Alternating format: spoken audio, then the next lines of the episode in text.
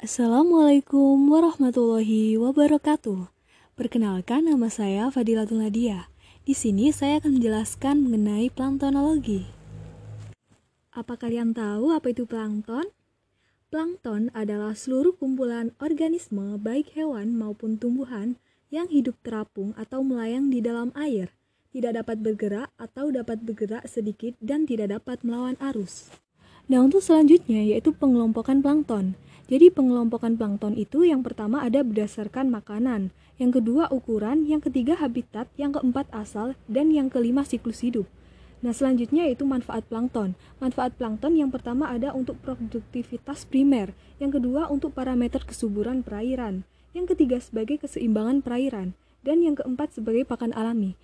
Nah, terima kasih teman-teman. Mungkin itu saja yang bisa saya sampaikan. Kurang lebihnya mohon maaf. Wassalamualaikum warahmatullahi wabarakatuh.